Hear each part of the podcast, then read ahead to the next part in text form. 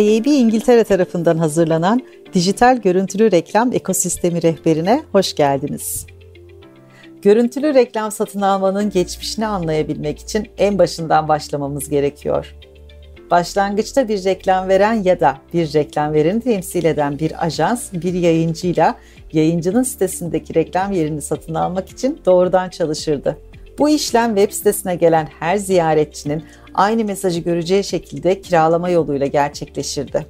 Ya da reklam veren toplam görüntülenmenin bir bölümünü bin gösterim başı maliyet üzerinden satın alırdı.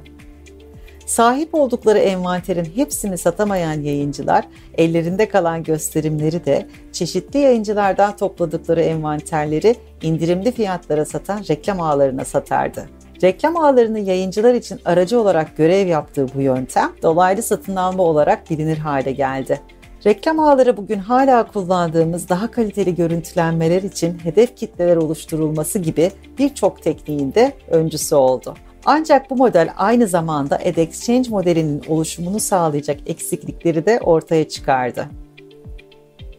Böylece bir anlamda günümüzde kullandığımız site ziyaretçilerinin karakteristik özelliklerini anlamada ve bu veriyi ek bir ücret karşılığında anlamlandırmada uzmanlaşmış veri yönetim platformlarının yani DMP'lerin ortaya çıkışını da hızlandırmış oldu. Satış tarafı hedef kitlelerini platformlarda ulaşılabilir hale getirirken alış tarafı kendi istediği gösterimleri seçebilirdi. Bireysel görüntülenmeler için gerçek zamanlı açık artırmalar üzerinden teklif verebilir ya da kaynak fark etmeksizin kendi hedefleme ihtiyaçlarını karşılayan envanteri satın alabilirlerdi.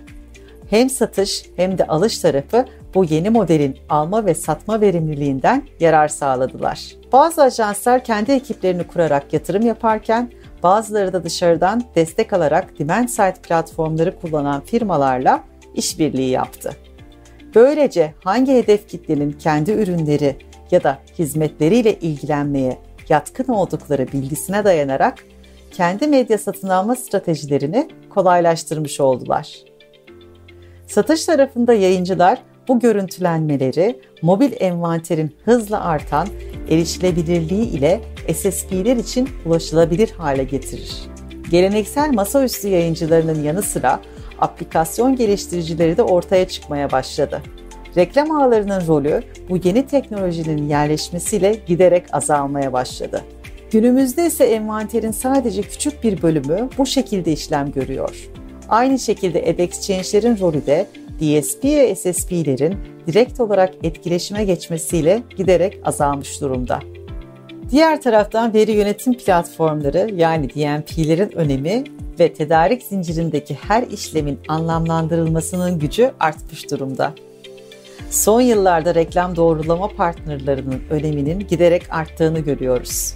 Bu şirketler işlem gören envanterin kalitesini ve meşru kaynaklar tarafından üretildiğini temin etmekle görevlidir.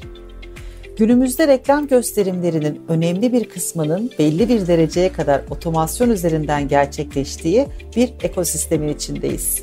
Buna alıcı ve satıcı arasındaki doğrudan ilişkinin en eski modeli bile dahil.